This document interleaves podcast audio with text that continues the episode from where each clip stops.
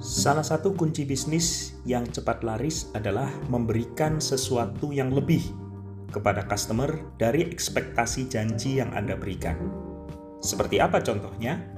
Misal Anda memiliki produk bernilai 10, maka pada saat menawarkan kepada customer, lebih baik Anda mengatakan nilai produk Anda 9 daripada mengatakannya 10 atau 11. Mengapa demikian?